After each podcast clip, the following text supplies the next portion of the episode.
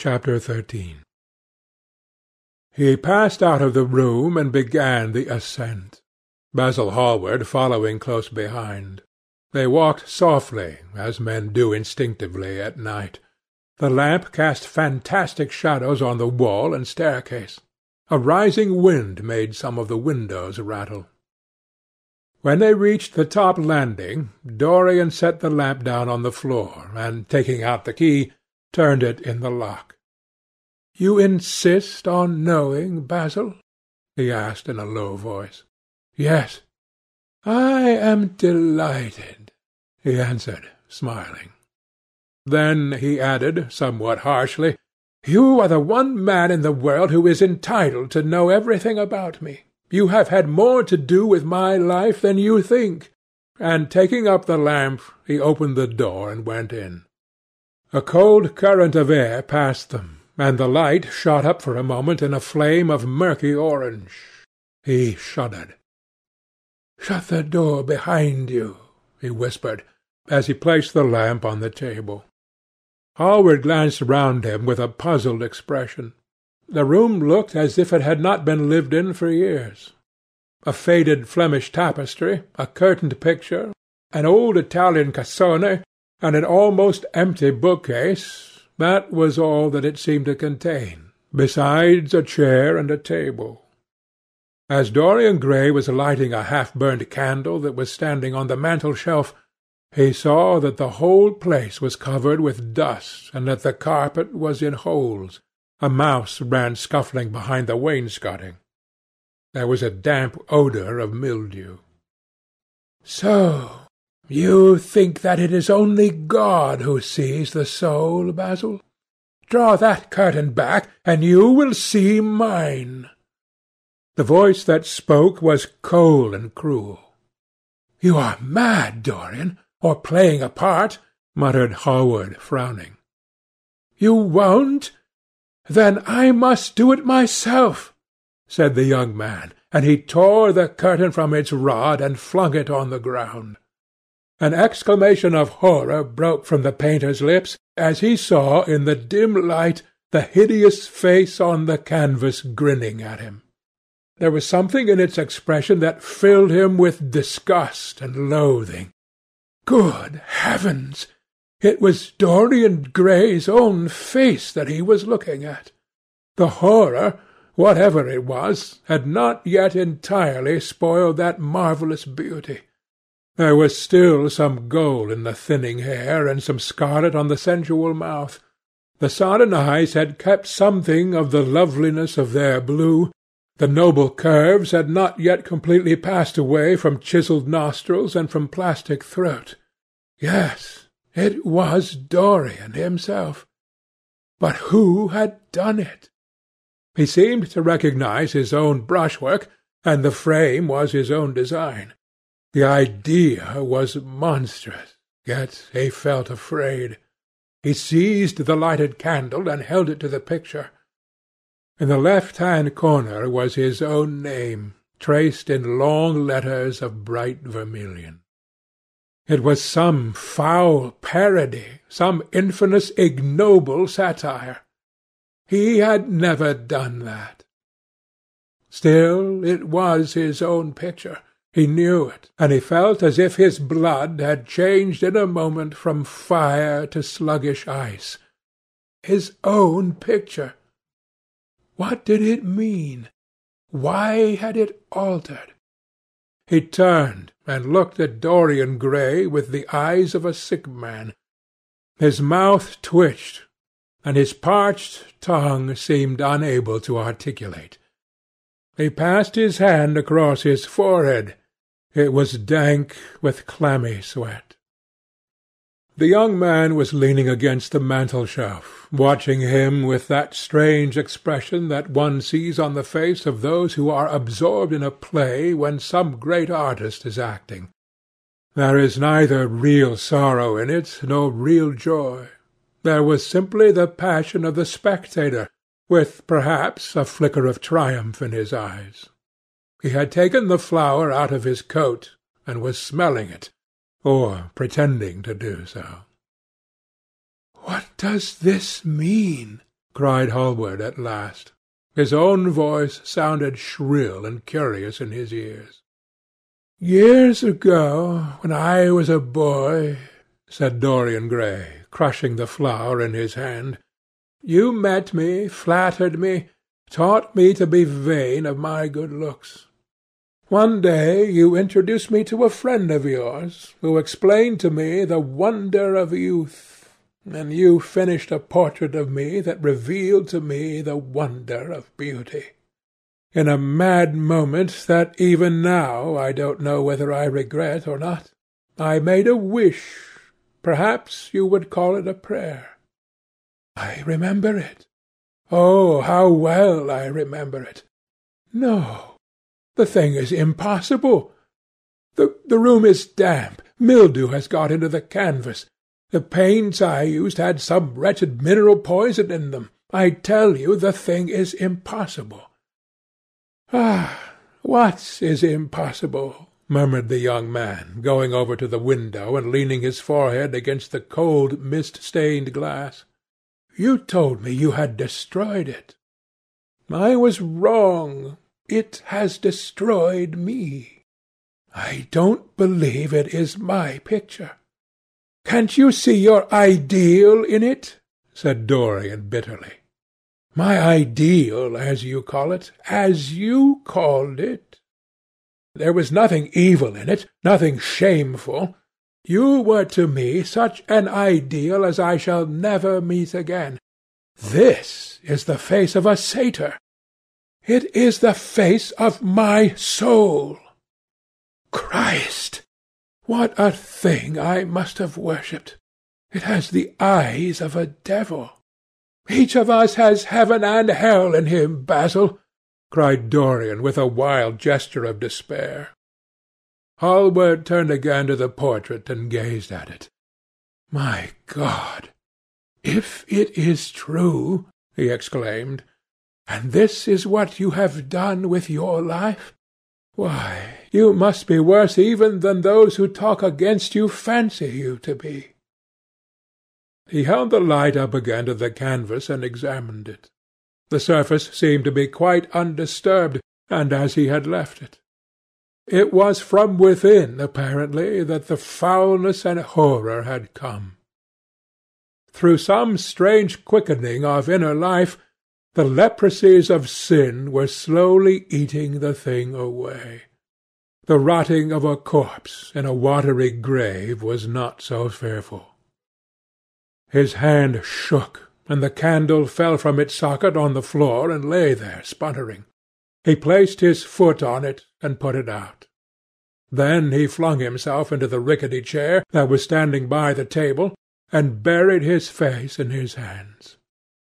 Good God, Dorian! What a lesson! What an awful lesson! There was no answer, but he could hear the young man sobbing at the window. Pray, Dorian, pray, he murmured. What is it that one was taught to say in one's boyhood? Lead us not into temptation. Forgive us our sins. Wash away our iniquities. Let us say that together. The prayer of your pride has been answered. The prayer of your repentance will be answered also. I worshipped you too much. I am punished for it. You worshipped yourself too much. We are both punished. Dorian Gray turned slowly around and looked at him with tear-dimmed eyes. "It is too late, Basil," he faltered. It is never too late, Dorian. Let us kneel down, and try if we cannot remember a prayer. Isn't there a verse somewhere? Though your sins be as scarlet, yet I will make them white as snow.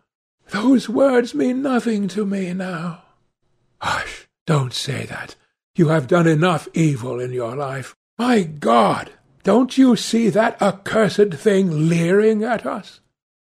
Dorian Gray glanced at the picture, and suddenly an uncontrollable feeling of hatred for Basil Hallward came over him, as though it had been suggested to him by the image on the canvas, whispered into his ear by those grinning lips.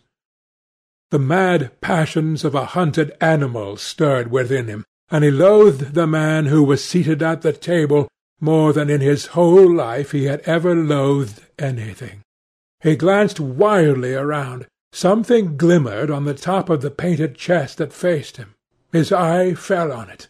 He knew what it was. It was a knife that he had brought up some days before to cut a piece of cord, and had forgotten to take away with him. He moved slowly towards it, passing Hallward as he did. As soon as he got behind him, he seized it and turned round. Hallward stirred in his chair as if he was going to rise. He rushed at him and dug the knife into the great vein that is behind the ear, crushing the man's head down on the table and stabbing again and again. There was a stifled groan, and the horrible sound of some one choking with blood. Three times the outstretched arms shot up convulsively, waving grotesque stiff-fingered hands in the air. He stabbed him twice more, but the man did not move. Something began to trickle on the floor. He waited for a moment, still pressing the head down.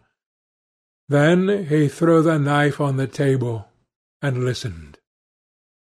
He could hear nothing but the drip, drip on the threadbare carpet. He opened the door and went out on the landing. The house was absolutely quiet. No one was about. For a few seconds he stood bending over the balustrade and peering down into the black seething well of darkness. Then he took out the key and returned to the room, locking himself in as he did so.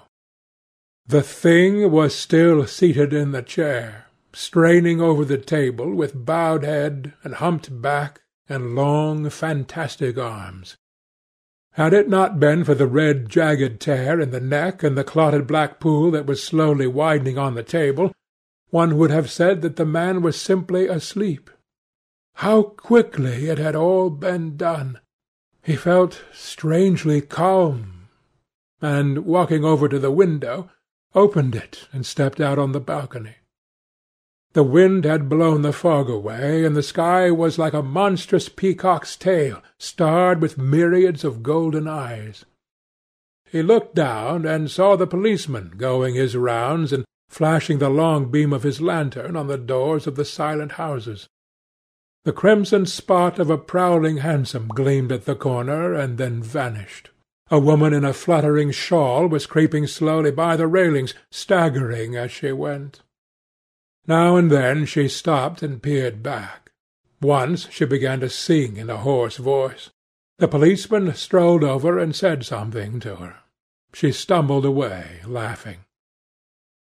A bitter blast swept across the square. The gas lamps flickered and became blue, and the leafless trees shook their black iron branches to and fro. He shivered and went back, closing the window behind him. Having reached the door, he turned the key and opened it. He did not even glance at the murdered man. He felt that the secret of the whole thing was not to realize the situation. The friend who had painted the fatal portrait to which all his misery had been due had gone out of his life. That was enough. Then he remembered the lamp, it was a rather curious one of Moorish workmanship, made of dull silver inlaid with arabesques of burnished steel and studded with coarse turquoises. Perhaps it might be missed by his servant, and questions would be asked. He hesitated for a moment, then he turned back and took it from the table. He could not help seeing the dead thing. How still it was! How horribly white the long hands looked!